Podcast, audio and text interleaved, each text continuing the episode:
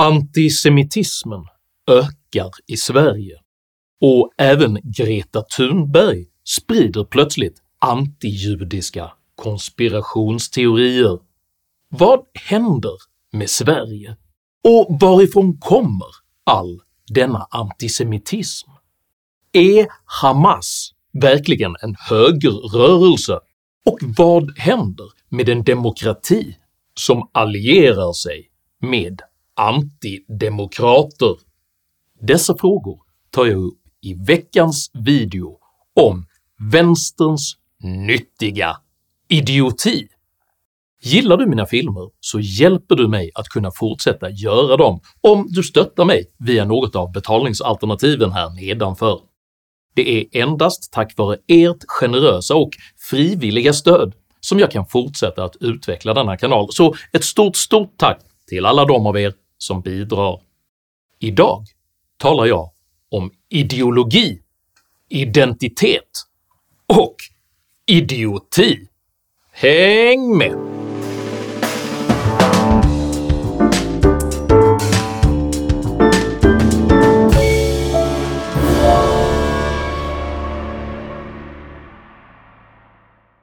Termen “nyttig idiot” beskriver en person som omedvetet främjar en politisk agenda som man inte förstår konsekvenserna av. Från förhållandet till Hamas och dess högljudda supporters till den gröna rörelsens etiska och praktiska haverier står just nu vänstern mitt i ett exceptionellt bryskt uppvaknande till det faktum att man under decennier varit just nyttiga idioter. Denna kallsvettiga urvakenhet uttrycks just nu på område efter område, där man stammande och trevande plötsligt finner sina relativiserande förklaringsmodeller moraliskt förkastliga och sina politiska lojaliteter oförsvarbara. Ett exempel på detta är hur Sveriges Televisions Agenda nyligen ägnade över 13 minuter åt att diskutera Sveriges växande antisemitism, utan att en enda gång nämna de enorma grupperingar som helt öppet hade skanderat antisemitiska ramsor mitt i centrala Stockholm. I spåren av kriget mellan Israel och Hamas så ökar antisemitismen i Sverige. Vi har väl sett en, en ökning nu på senaste tid eh, och vi bedömer situationen som, som allvarlig helt enkelt. Utan att ens nämna de pro-palestinska demonstranternas antisemitism lät Agendas redaktion istället vdn för den kontroversiella antirasistiska verksamheten Expo betona att även islamofobin växer om än inte i samma omfattning. Vi ser också, även om det kanske inte har samma volym, eh, islamofobi eh, spridas dessutom.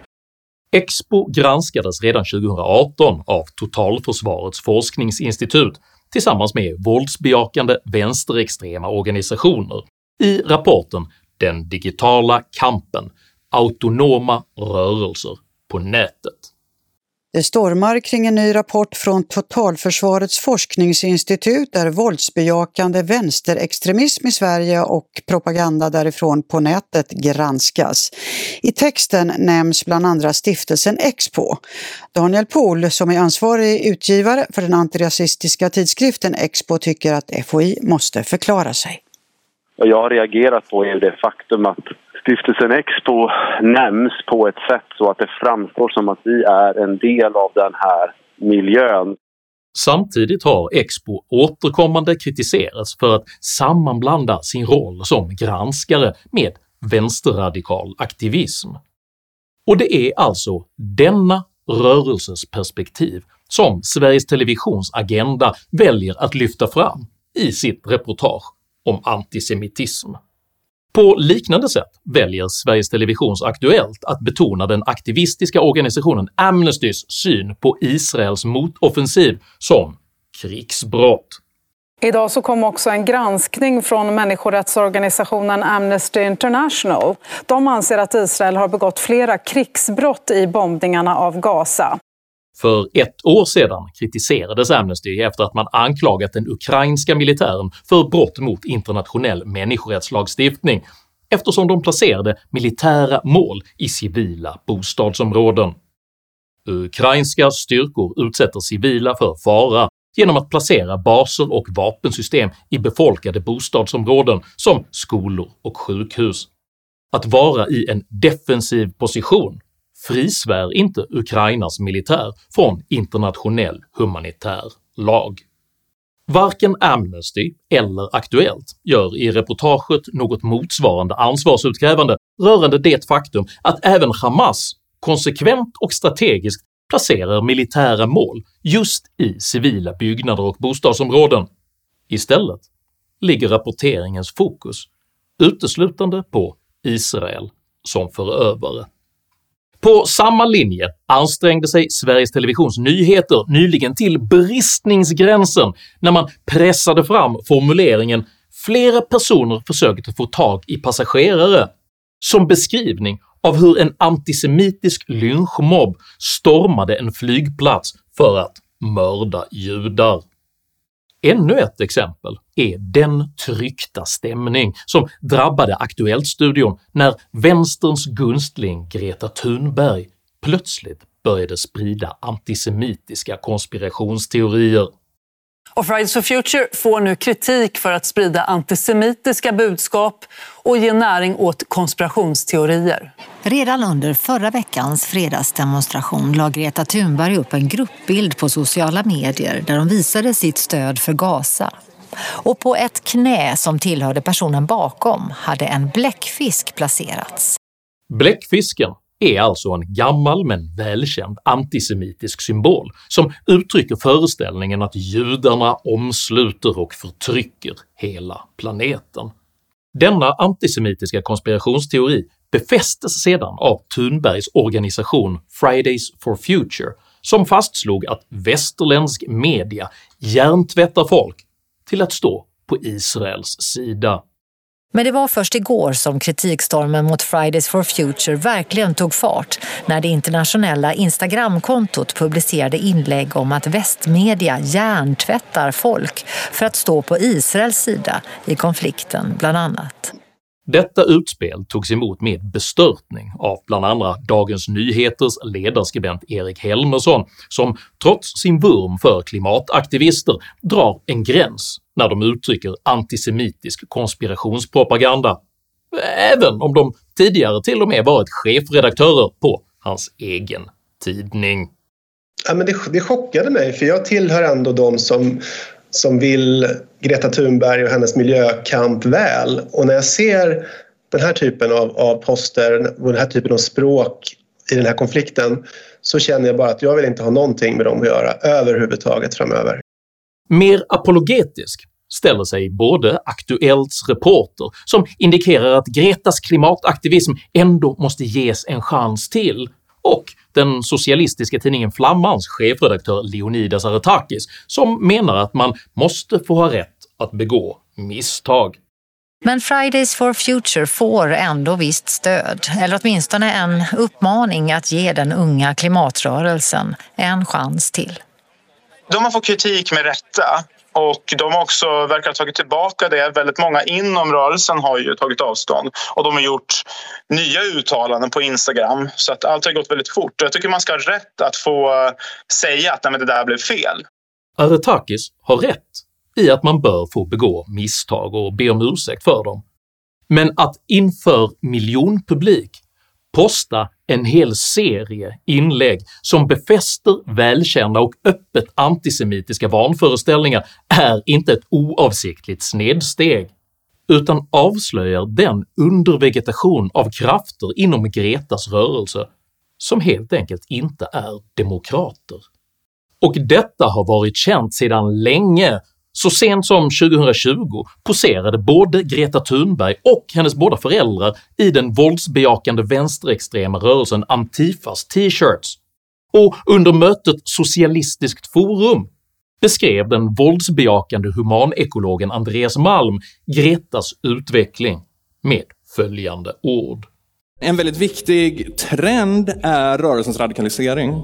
Både retoriskt och ideologiskt, till exempel när Greta Thunberg rör sig mot explicit antikapitalistiska positioner som hon gör nu.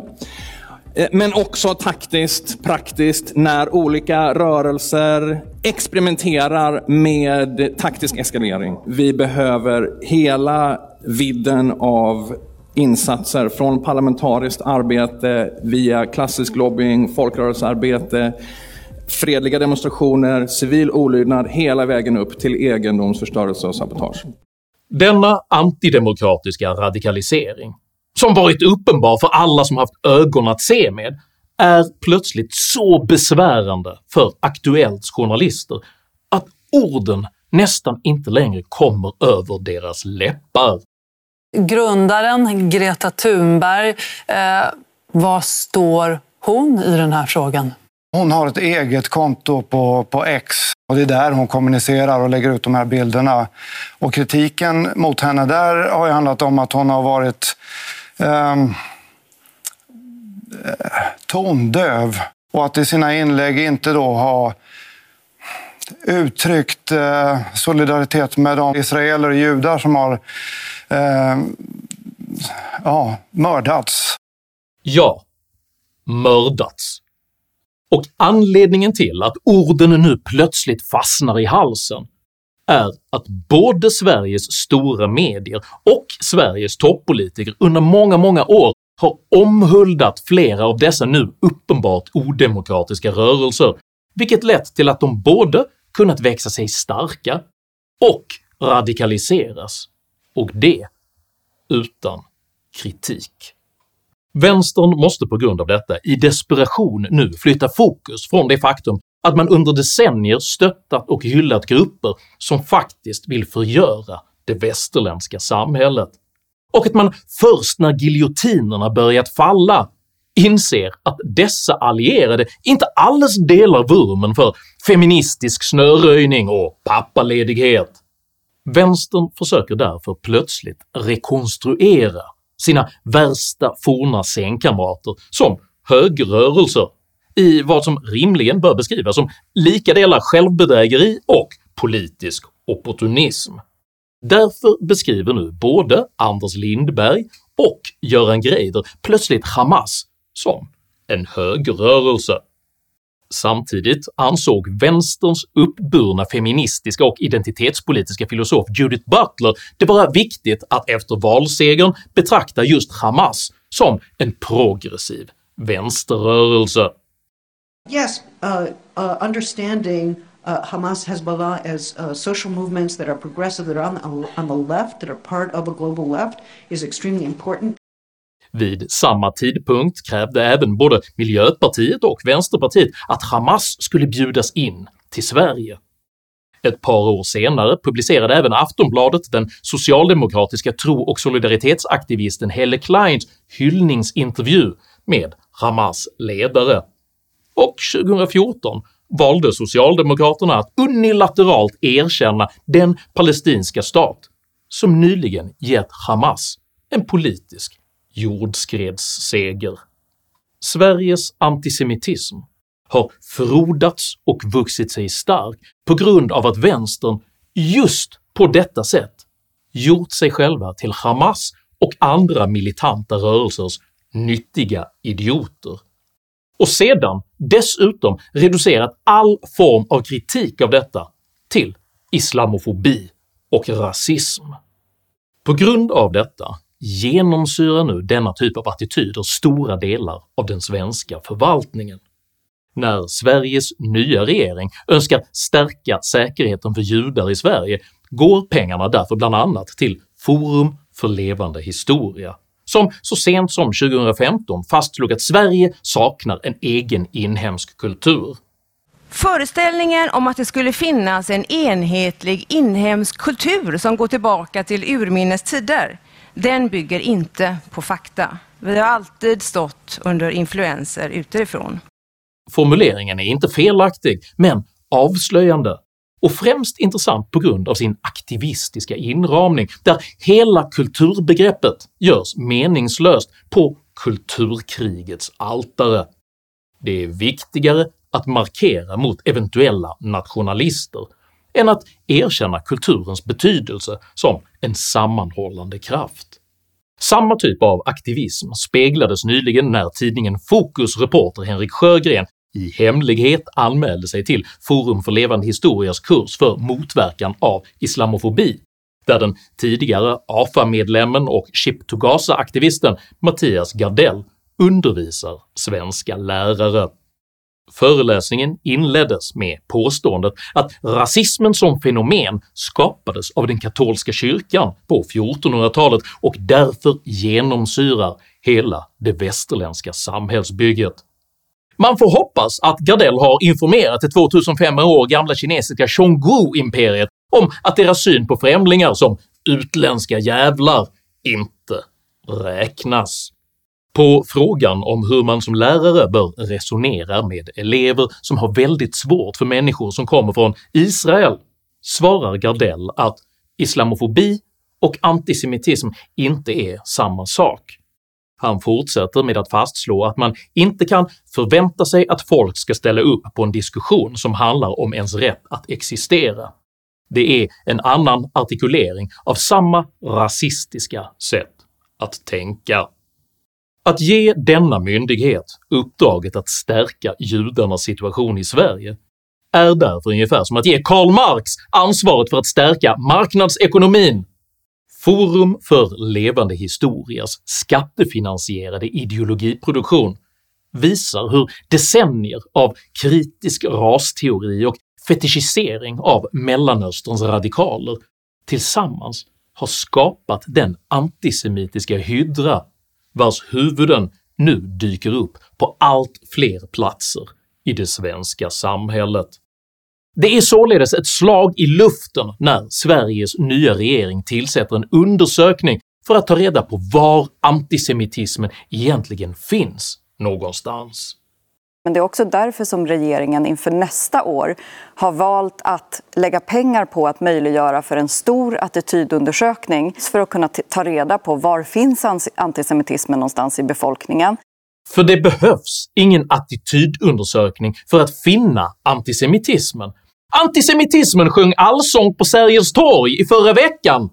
Antisemitismen körde bilkaravan genom Malmö stad för två veckor sedan. Antisemitismen stormade en flygplats för sex dagar sedan och antisemitismen twittrades ut av Greta Thunberg alldeles nyss! Trots dessa tragiska omständigheter är det bra att vänsterns moraliska bankrutt nu avslöjas inför öppna ridåer och att samtliga av dess perversa lojalitetsband till antidemokratiska, antisemitiska och våldsförhärligande grupperingar slutligen exponeras. Den som på allvar önskar bekämpa dessa tendenser i det svenska samhället måste därför först rensa ut de vänsterradikala ideologer som förskansat sig på alla nivåer i den svenska förvaltningen. De traditionella medierna måste åtminstone kompletteras med högkvalitativa och vitala nya alternativ med både intellektuell och ekonomisk kapacitet att bemöta vänsterns kollapsande narrativ. Och en ny generation politiker måste tillåtas växa fram, där både konservativa, borgerliga och frihetliga röster inte längre ryggar undan från att förhålla sig till verkligheten så som den faktiskt är, utan ängslig hänsyn till vänsterns raseriutbrott och ordspel. Om detta inte görs kommer alla ansträngningar att motarbetas eller i tysthet att transformeras till sin egen motsats, oavsett hur mycket skattepengar en regering än investerar. För den som ger sig på att hugga enskilda huvuden av vänsterideologernas antidemokratiska hydra blir ingenting annat än ännu en antisemitismens nyttiga idiot. Om du uppskattade innehållet i denna video så hjälper det mycket om du delar den med dina vänner och kanske till och med stöttar mitt arbete via något av betalningsalternativen här nedanför. Dela även gärna med dig av dina egna åsikter och erfarenheter i kommentarsfältet här nedanför, men jag ber dig att alltid vara artig.